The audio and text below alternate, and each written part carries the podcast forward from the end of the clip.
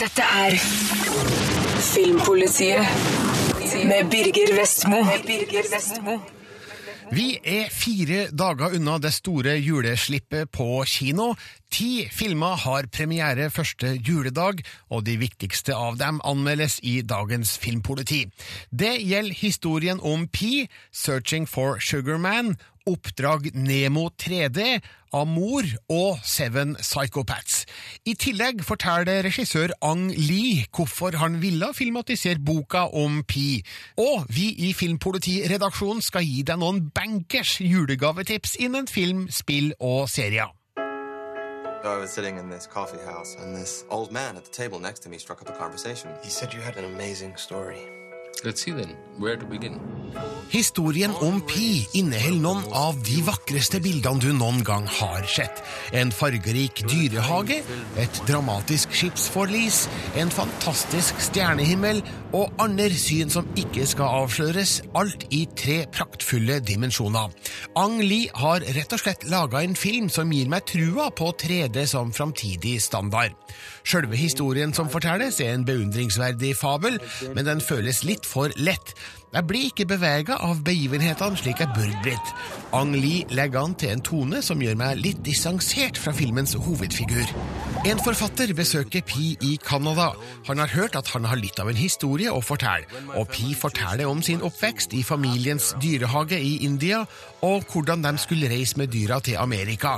Men skipet forliser, og plutselig befinner Pi seg i en liten redningsbåt på Stillehavet sammen med en sjimpanse, en hyene og en bengalsk tiger. Filmen bygger altså på en helt utrolig situasjon, og det er skikkelig spennende å følge med på hvordan Pi løser de problemene som naturlig nok oppstår. Han må bruke all sin kløkt for å overleve, siden enkelte av medpassasjerene om bord anser han som mat. Ang Lee forteller de her scenene med god spenningsoppbygging. Interaksjonen mellom menneske og dyr virker absolutt troverdig, og bruken av effekter er umulig å spore. Det filmen gjør best rent visuelt, er å skape illusjonen av en liten båt på stort hav. Jeg tror fullt og helt på at Pi virkelig befinner seg langt til havs. Aleneheten er påtagelig. Så stusser jeg litt over at Pi makter å holde motet opp. Kan det være snakk om ungdommelig overmot? Den unge Pi spilles av Suraj Sharma, som debuterer som filmskuespiller.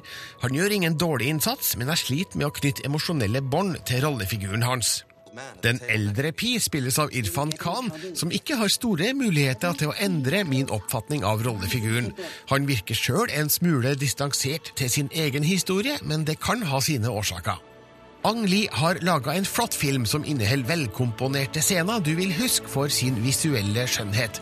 Hadde filmen gjort like stort inntrykk på hjertet, hadde her vært en skikkelig fulltreffer.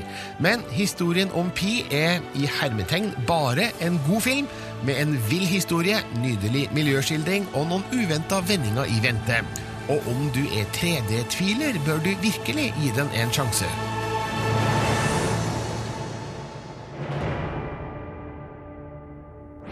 Dette er Filmpolitiet på P3.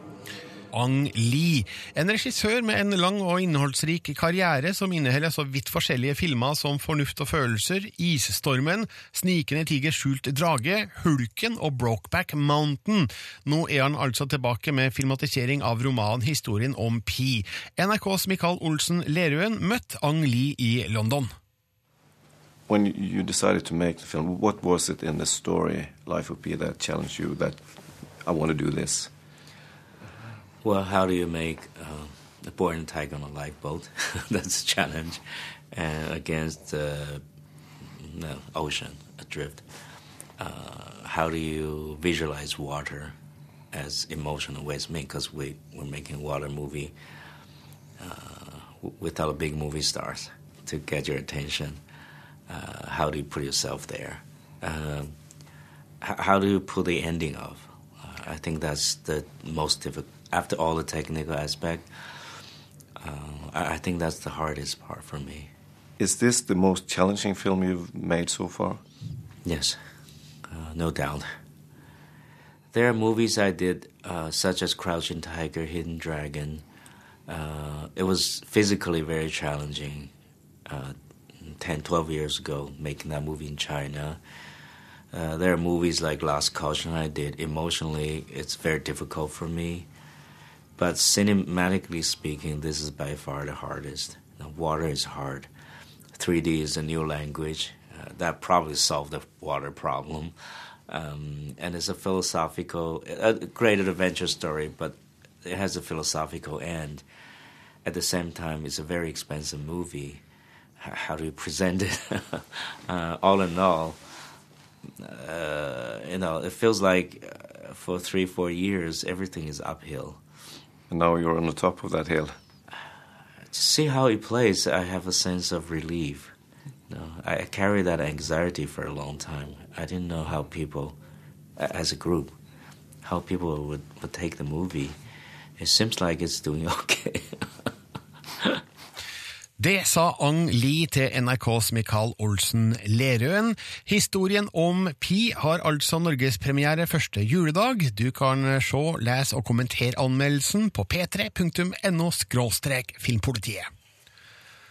Searching for Sugarman har norgespremiere på kino første juledag. Den er sett og anmeldt av Rune Haakonsen. He set himself alight on stage and burned to death in front of the. It, it was the most incredible thing. It wasn't just a suicide, it was probably the most grotesque suicide in rock history. En historie om en mann som er fattig gatearbeider i eget land, men profet i et annet, har noe mytisk og grandiost over seg. Searching for Sugar Man skildrer den amerikanske artisten Rodriguezes liv på eventyrlig vis, og er en effektiv musikkdokumentar. Sugar man, won't you hurry? Cause I'm tired of these.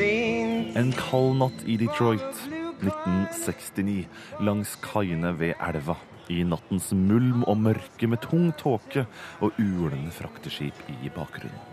Musikkprodusentene Mike Theodore og Dennis Coffey hadde hørt om de utrolige tekstene den amerikansk-meksikanske sangeren skrev, og var på vei til en skitten bar for å høre ham. Et annet sted i verden ble han lydsporet til en generasjon og en revolusjon, uten å vite det selv.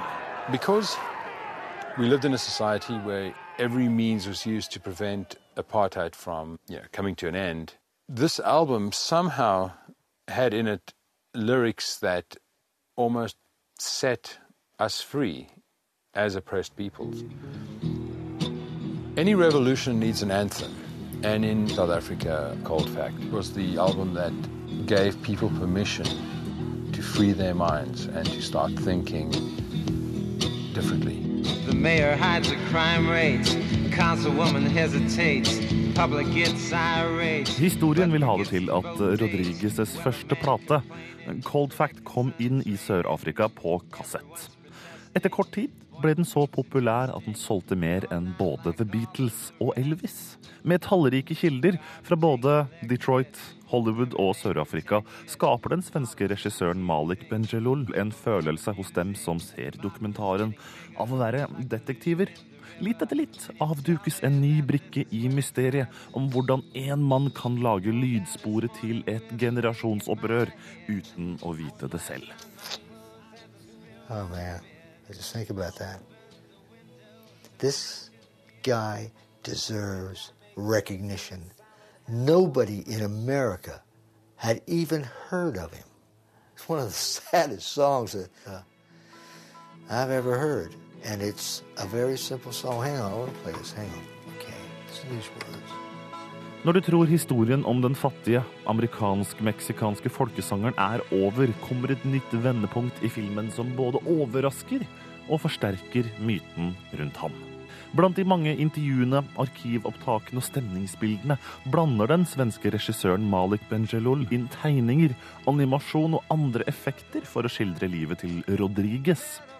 Alt mens han gir filmen rom til å formidle musikken og tekstene. Sammen med nyhetsbilder fra voldelige opptøyer i Johannesburg og Cape Town på slutten av 70-tallet, så blir strofene mer slagkraftige. Dokumentaren forteller et moderne eventyr som nesten er for fantastisk til å være sann, men det er den altså. Det gjør også det å oppdage eller gjenoppdage musikken til Rodriguez til en opplevelse. 'Searching for Sugar Man' er en av årets beste dokumentarer. It's 40 years since this LP called Cold Fact by Rodriguez was released. And in South Africa, it was a very popular album. It was, it was one of the biggest albums of the day. But the thing was, we didn't know who this guy was. All our other rock stars, we had all the information we needed. But this guy, there was nothing. Dette er Filmpolitiet på P3. Her skal det anmeldes en film som har nypremiere første juledag. Oppdrag Nemo er en av Pixars aller største suksesser. Nå relanseres den i 3D, og det er absolutt en god grunn til å se filmen på nytt. Dette er fremdeles en spennende historie som spiller på flere plan, og som vil oppleves forskjellig for voksne og barn. Den spiller på grunnleggende frykt for separasjon og behovet for trygghet i tilværelsen. Det skader ikke at det samtidig er en morsom film, satt i et fargerikt og svært lekkert animert miljø. Og 3D gjør faktisk bildene enda bedre. Handlinga er fremdeles som følger. Klovnfisken Marlin mister sin partner og fiskeyngel i kjeften til en størfisk. Bare ett yngel overlever, Nemo. Marlin lover Nemo at han alltid skal passe på, men en dag blir han håva opp i en båt og havner i et akvarium hos en tannlege i Sydney. Marlin overvinner frykten for det store havet, forlater korallrevet og tar opp jakta på Nemo sammen med den distré blåfisken Dory. Hi, I'm Dory. Rent teknisk er det svært lite som skulle tilsi at Oppdrag Nemo allerede er ni år gammel. Livet på korallrevet skildres i gnistrende farger og et mylder av forskjellige skapninger. Detaljrikdommen er imponerende. Til og med det vanskeligste av alt, vann, er glimrende animert. Det her har Pixar greid å forbedre ved å legge til en ekstra dimensjon. Jeg imponeres over hvor naturlig 3D-effekten føles. Legg merke til hvordan plankton og andre elementer i vannet bidrar til å skape ekstra dybdefølelse. Fish are friends, not food. Et problem jeg hadde med Oppdrag Nemo i 2003, gjelder fortsatt. Det er at hovedpersonene er fisk, og fisk er ikke så enormt spennende å se på. Personlighetene deres avhenger dermed av de vokale prestasjonene, og de redder figurene fra å være kjedelige. Dory, upset stomach. Maybe I should try humpback. No, don't try humpback. Historien er fin, men ikke oppsiktsvekkende god. Jeg ser nå at filmens emosjonelle fronter står på usikker grunn. Noen av grepene som er ment å få oss til å føle, er lett å gjennomskue. Og historien følger en enkel formel. Men barn i all aldre vil fremdeles elske det her, og dem som har kommet til verden etter at Oppdrag Nemo gikk på kino første gang, bør få oppleve filmen på det store lerretet. Dette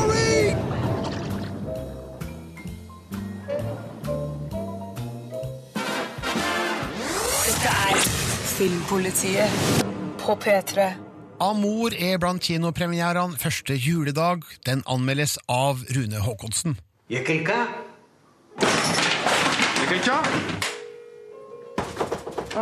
Østerrikske Michael Hannicke vant fortjent Gullpalmen under filmfestivalen i Cannes for det finstemte kammerspillet i filmen Amor. Tre år tidligere mottok han samme pris for Det hvite båndet, og er dermed en av bare syv regissører i verden som kan smykke seg med to priser fra den prestisjetunge festivalen. Amors skildring av kjærlighet i livets siste fase er nær, varm og rørende, med Frankrikes ypperste skuespillere i hovedrollene. Varsomt skildrer Hanneke hva som skjer med det aldrende ekteparet Anne og Georges når førstnevnte rammes av slag. Georges kjemper for en verdig hverdag for seg selv og sin kone, men møter mange vanskelige utfordringer. Amor er en stillferdig film, hvor lyden brukes sparsommelig. Hanneke bytter mellom å la oss høre livet i leiligheten og lydene som Georges oppfatter. På den måten bryter Hanneke ned skillet mellom deg i kinosalen og personene på lerretet. Scenen hvor de første symptomene kommer fram hos Ann, er et mesterlig stykke filmkunst, hvor lyden har en viktig rolle.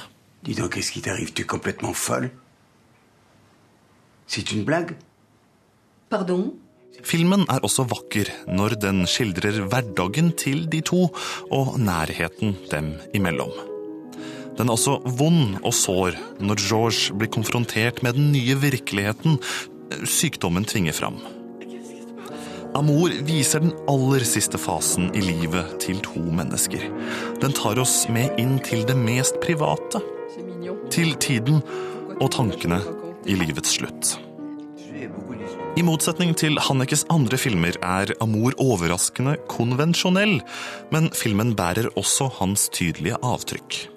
Bildene er stilrene, fargene er nedtona, og rytmen er rolig. Det er ikke noe ubehagelig som lurer under overflaten, slik mange av Hannekes andre filmer har. Skuespillerne Emmanuel Riva og Jean-Louis Trigtinant fyller lerretet med livserfaringer få andre kan formidle. De to er Frankrikes mest erfarne skuespillere og forsterker regissørens lavmælte stil. Det slår meg aldri at de to har vært noe annet enn hverandres livsledsagere.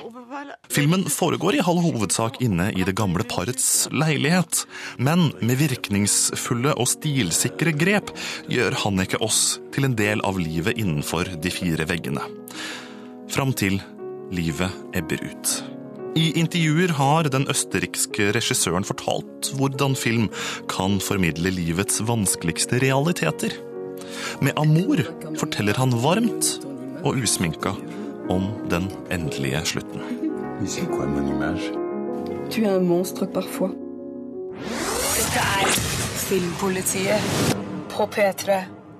Som du kanskje har merka, så er det ikke lenge igjen til julaften, og det er jo det her med julegaveinnkjøp. Det er et herk hvert eneste år. Men det kan vi i Filmpolitiet hjelpe deg litt på vei med. Det vil si Andreas Opsvik, Rune Håkonsen og Marte Hedenstad, velkommen inn i studio. God jul. God jul, Ja, ja. snart i hvert fall. Nei, for eh, er det noe vi har greie på, så er det film, spill og serier, og det er jo populære julegaver, alt det der. Altså, De harde pakkene er jo best. Det er jo sånn det er, at det er de som skaper eh, størst glede eh, rundt juletreet. Det vil i hvert fall jeg påstå. Ja, men det er ganske mange av dem, da. Det er ganske mange titler å velge mellom i de tre kategoriene. Så vi skal komme med noen gode stalltips her til både liten og stor. Og da starter vi med spill. Og da skal vi skille mellom eh, barn og større barn, sa du, Rune? Ja, altså jeg tenker at Voksne eh, går inn i den kategorien store barn når det kommer til spill. Også voksne kan finne den barnslige gleden i seg når de får spille gode spill, rett og slett. Så eh, hvis jeg skal gå rett på da, til de store barna, inkludert voksne, så er det jo ett eh, spill som for meg stikker seg ut, og det er Assassin's Creed 3. En utrolig opplevelse hvor vi blir tatt med tilbake til den amerikanske uavhengighetskrigen på 1700-tallet, samtidig som du putter opp i denne miksen da, eh, litt sånn kappekledde snikmordere og tempelriddere og alt mulig, så det er en veldig spennende fortelling som passer spesielt da for de store barna. Men skal, vi gå rett på de små barna? Eh, Så er det jo én ting som har pekt seg ut nå i førjulstida som en utrolig populær greie, og det er eh, Skylanders. Eh, Det kom et nytt Skylanders-spill ut i butikkene nå, da strategisk nok rett før jul, eh, som eh, veldig mange barn syns er veldig spennende. Det er da rett og slett et, en, en veldig sånn fantasirik eventyrverden, eh, hvor du i tillegg da har en liten sånn dings som du kobler til spillkonsollen din, og ved å da putte på forskjellige sånne dyr som følger med, og du kan da selvfølgelig kjøpe flere, for de skal jo tjene penger, eh, så kan du da få disse dyrene inn i spillet. Og akkurat denne blandingen med å putte da leketøy på en sånn plattform, og så få de inn på TV-skjermen, det er noe som eh, kidsa syns er veldig kult. Marte Hedenstad, hvilke spill kunne du tenkt deg å legge under juletreet i år? Vet du hva, Jeg har allerede kjøpt eh, masse spill til meg selv. oh. men hvis jeg skulle gitt noe til noen andre, så eh, vil jeg nok slenge meg på Assassin's Creed 3 med Rune. Men også Dishonored, som er et mørkt og dystert snikespill for de voksne Det er for barna. voksne, ja. Andreas, hva med deg? Hva har du pakka inn? Nei, Hvis jeg skulle ha valgt sjøl som tolvåring, så hadde jeg sikkert egentlig ønska meg et Pokémon-spill, et av de nyere, som, som tar steget litt videre. Ikke mens det fremdeles er ganske gjenkjennelig. Pokémon Black 2 eller White 2, for eksempel. Ja. Mens ellers, for den litt uh, eldre garde, uh, eller meg, som det heter, så, så spiller jeg gjerne The Walking Dead-spiller igjen. En, en relativt um, kort spillopplevelse som kan fungere sånn på en fem-seks ettermiddager i, i strekk. Jeg kunne tenke meg å foreslå eh, Lego Lord of the Rings jeg, i disse Hobbit-tider. Eh, Fordi det er jo da for det første et veldig barnevennlig spill. Eh, For det andre så er det et veldig morsomt eh, samarbeidsspill der både voksne og barn kan eh, drive på sammen. Og det er jo noe som kan passe veldig godt i romjulstida. Jeg tenker akkurat Det der med å spille sammen er jo kanskje i jula spesielt viktig, så jeg er veldig enig i at Lego-spillene eh, kommer med gode opplevelser for eh, familien som helhet også. Så det var våre stalltips eh, til julegaver fra spillsjangeren. Nå skal det handle om TV-serier, og jeg har fremdeles med meg Andreas Opsvik, Rune Haakonsen og Marte Hedenstad. Og Andreas, nå starter vi med deg. Hvis du skulle ha gitt vekk en TV-serie på DVD eller Blu-ray i år, og lagt det under juletreet, hva skulle det ha vært? Da jeg, kjøpt, eh, kunne kanskje ha kjøpt en 10-12 eksemplar av andre sesong av Sherlock og bare gitt til tilfeldige mennesker på gata. Fordi jeg mener den er såpass god at den eh, fortjener alle å se. Ikke første sesongen? Eh, Jo, jo, for så vidt. Men bare Jo, alt. Alt av den BBC-serien Sherlock syns jeg fungerer til sånt. Bare, bare kaste rundt seg og gi til alle. Egentlig alt med Benedict Cumberbatch kan man gi bort For i et julegave. navn for øvrig. Jeg må bare si for et navn. Ja, du, Jeg så et intervju med han der han eh, ble spurt om navnet sitt, og han sier jo at det, det er litt av en munnfull, ikke sant? Men han fikk da et råd av eh, noen i teaterverdenen om å ikke røre navnet. Fordi det er det beste måten å bli gjenkjent og huska på, det å ha et sånt navn. Benedict Cumberbatch. Marte, TV-serie under juletreet, hva ville du ha gått for? Å, jeg ville selvfølgelig gått for Sex og singelliv-boksen. For nå har den blitt så mye billigere. Så nå er det bare å kjøpe den boksen og dele den ut til, til alle dine venninner. bør jeg da kanskje kan, kan si. kan vi oss som allerede Ja, okay. har den? Ok, ja, men ja, Du har den, ja. Hører du? Har du den? Har Andreas den? har sex og singelliv-boksen. Men da kanskje du kan få en liten Twin Peaks-boks isteden? Å, du, det er jo en jeg skal, ikke- jeg skal ikke si glemt klassiker, men eh, det er vel en serie som man kanskje ikke tenker på at det går an å se om igjen nå, men det gjør det absolutt, altså. Virkelig. Så jeg går litt tilbake til 90-tallet og to, tidlig 2000 jeg er på seriefronten. Ja. Men eh, Rune, hva syns du om eh, TV-serie som julegave? Hva, hva passer der? Det er absolutt en, en god julegave som, som nok passer til de aller aller fleste. Jeg tror du skal grave dypt ned i familie- eller slektstreet før du finner noen som ikke kan tenke seg en TV-serie i julegave. Men jeg har lyst til å ikke fokusere på årets TV-serie. Jeg har lyst til å gå litt eh, i arkivet og hente fram en klassiker, jeg også. Ja, For det går an, det. Ja, eh, og en TV-serie som kanskje i aller første rekke retter seg mot unge eh, folk. Unge menn kanskje, type i alderen 15 til 30, nemlig Metalocalypse. Du smak litt på det. Den har ikke jeg hørt om. Metalocalypse. Metalocalypse er TV-serien om den animerte TV-serien om det fiktive death metal-bandet Death Clock, som er så populære at de er verdens åttende største økonomi. Og i tillegg så er de verdens dummeste karer, så dette er jo stor humor eh, fra ende til annen. Det har kommet tre sesonger som nå er tilgjengelig på DVD her i Norge. Og det aller greieste er at episodene bare er ti minutter hver, sånn at det er veldig sånn kjapt og lett fordøyelig uh, skal vi si, en, en lettfordøyelig innføring i black metal. Og for, for nordmenn så er det her litt spesielt artig, for her er det mange referanser til eh, norsk eh, musikkmiljø og musikkhistorie. Da selvfølgelig innenfor metallmiljøet, uh, som er nok en, vi si, en, en innertier av en gave til de som liker den tyngre delen av rocken. Du, Jeg stoler på din eh, dømmekraft her, Rune, men eh, det er litt sært det der som julegave, eller?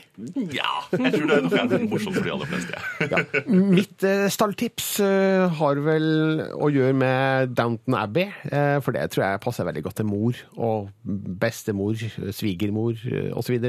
Og så er det jo en veldig ålreit serie for alle menn også, så det passer egentlig over hele linja, føler jeg. Alle sesongene av Downton Abbey. Men hvis man først skal gå tilbake i historien og gi, gi bort noen klassikere, så snakker vi jo om eh, Altså, du kan jo ikke gjøre feil med en Six Feet Under-boks, en Faulty Towers-boks, en Sorte Orm-boks. Faulty Towers, du mener hotell i særklasse? Ja, nettopp. Og eh, ja, hva med Allo, allo? Det må jo finnes en samleboks av den. Og, eh, du, Det du det, her for en liten sånn fun fact er at de eh, episodene av Allo, Allo som er vist på NRK, er bare to sesonger av totalt fire eller fem som er produsert. Så det ligger mange ukjente episoder. Er det sant? Det har gått i så mange år. Ja, det er så rart, for det er bare noen av sesongene som har blitt vist vist på TV, så her er det masse gull å hente hvis man skaffer seg en boks med Allo, allo. Og det her var Filmpolitiets julegavetips eh, når det gjelder TV-serier. Nå skal det handle om film, og ja, det er jo et hav å ta av, så hva skal man gå for? Marte, hvilken film syns du kunne vært den perfekte julegaven i år? Den perfekte julegaven er faktisk fire filmer i én herlig boks, eh, nemlig Indiana Jones, den komplette eh, samlinga. Fantastisk! Det, vet du hva? Ingen kan vel pakke opp den og si annet enn hurra! For den finnes nemlig på Blu-ray nå, alle de fire filmene, og det er jo bare kjempebra gave. Jeg har faktisk kjøpt den til meg selv i Oi. julegave, så et veldig bra tips, altså. Ja, og det her passer jo Nå husker jeg ikke aldersgrensa. Er det, er det 15? I det er 15, ja. 15 noen, noen smeltende Mm. ansikter som ikke er helt for eh, de minste Jeg, jeg hadde noe mareritt da jeg, da jeg, Jeg så det eh, The Temple of Doom da jeg var sånn type seks-syv år. Ja. Eh, Det, det, det funka ikke særlig bra. Men for de litt større barna så skal det nok gå fint. Ja, Men fra ungdom og oppover så er det her universell filmglede. Absolutt. Rune, har du et filmtips som kunne være veldig godt å pakke inn? Jeg har en innertier som når du pakker det opp sammen med familien, bare, eller når du skal se det sammen med familien i jula, blir til en veldig fin opplevelse, nemlig Moonrise Kingdom. En veldig søt film av Wes Anderson som gikk på kino tidligere i år. Eh, Den er nå da ute på Blu-ray og DVD, og hvis du gir bort den til f.eks. mor eller far, og tvinger da hele familien til å se på dette sammen, kanskje andre juledag eller noe sånt, så er du garantert en helt fantastisk trivelig stund med hele familien, altså. Ja, og det her var jo en av dine favorittfilmer i, i år, det på kino. Så at uh, uansett om du skal gi den i gave eller ikke, altså kjøp Moonrise Kingdom. det kan jeg ikke gi som reklame nå, men pytt pytt. Andreas, da er det din tur til å komme med ditt stalltips. Jeg syns uh, filmer som har gått på kino, det burde du egentlig ha sett på kino allerede. Så jeg går for en som ikke har gått på kino, i Norge i hvert fall. Og det er den britiske sci-fi actionkomedien uh, Attack the Block. Ja, ja, ja, ja, ja, ja. Som er en sånn, sånn rominvasjon i sånn indre, indre by, litt sånn eh, jeg skulle å si gettoaktig delen av London. I hooden. In, in the hood. In the hood. Ja, jeg prøvde å ikke være så hvit eh, at jeg sa the hood, så jeg, jeg unngikk det. Men en, en kjempeflott actiongreie fra folka som har lagd eh, annet Shaun of the Dead og sånn de Hot Fuzz. Hot Fuzz, ja, for eksempel. Mm. Som òg er et godt filmtips for øvrig. Ja. Nå har jo ikke vi avtalt det før vi gikk i studio hva vi skulle liksom komme med av tips, eh, så mitt filmtips eh, det, det skulle egentlig være da den nye Blu-ray-boksen med Indiana Jones! så, Å, beklager, Birger. ja, nei, altså, Det viser jo bare at det er virkelig den perfekte julegaven i år, da. Men eh, siden den nå er opptatt på en måte, så kan jeg komme med et annet fantastisk Blu-ray-tips. Eller DVD, hvis man fremdeles kjøper den slags. Og det er den eh, nye utgivelsen av ET, The Extraterrestrial, som er anmeldt eh, til en eh, terningkast seks litt tidligere i høst. Og det her er jo en fantastisk film, både for liten og stor.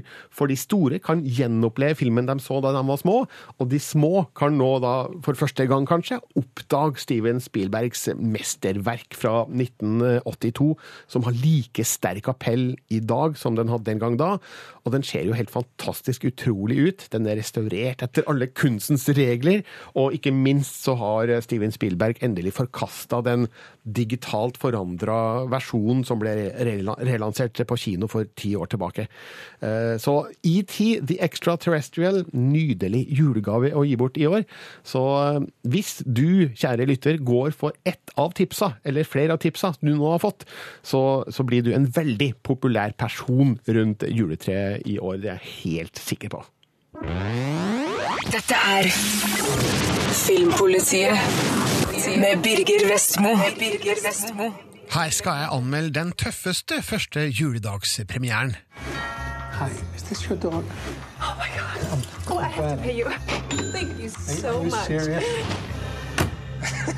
En hardbarka komedie med grov humor, voldsom vold og tvilsomme figurer? Ja takk. Seven Psychopaths er som snytt ut av Tarantinos venstre nesebor, med en gjennomgående beksvart humoristisk tone.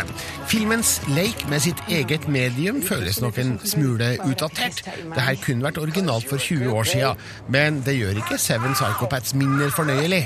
I almost got killed today because you kidnapped the wrong dog. Are you being serious? Wow. Marty, spilt av Colin Farrell, sliter med å komme i gang med sitt neste Hollywood-manus. Kompisen Billy, spilt av Sam Rockwell, hjelper han i gang med ideen om å skrive om psykopater. Dessverre driver han òg en hundekidnappingsbusiness sammen med Hans, spilt av Christopher Walken.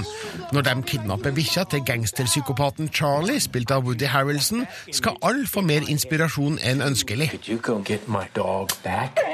Det her er en film uten de største ambisjonene.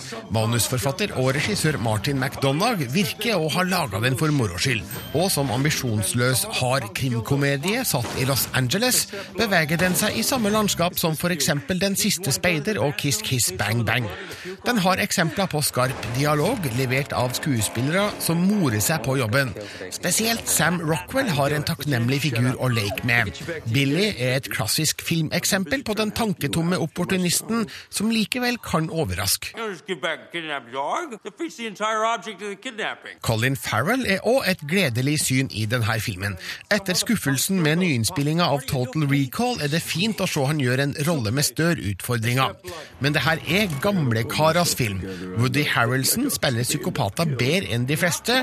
Christopher Walken nærmest parodierer sine egne fortidsroller som mann med skumle tendenser. Og på toppen av det hele får du oppleve Tom Waits med kanin. Jo da, Seven Psychopaths kunne vært bedre. Av og til kunne humoren vært litt mer poengtert, og avslutninga burde hatt et større spenningsmoment. Men det er fremdeles ingenting i veien med å la seg underholde av grov humor, voldsom vold og tvilsomme figurer. Eye for an eye leaves the whole world blind. No, it doesn't. There'll be one guy left with one eye. How's the last blind guy gonna take out the eye of the last guy left? Dette er Filmpolitiet på P3. Og med det er det på tide å si takk og farvel for i dag her i Filmpolitiet. Sjekk ut all anmeldelser av årets eh, julefilmer på p3.no filmpolitiet. Og dermed sier jeg, Birger Vestmo, god jul! Du hører nå en podkast fra NRK P3. Hent flere podkaster fra NRK på nettsiden nrk.no podkast. NRK P3.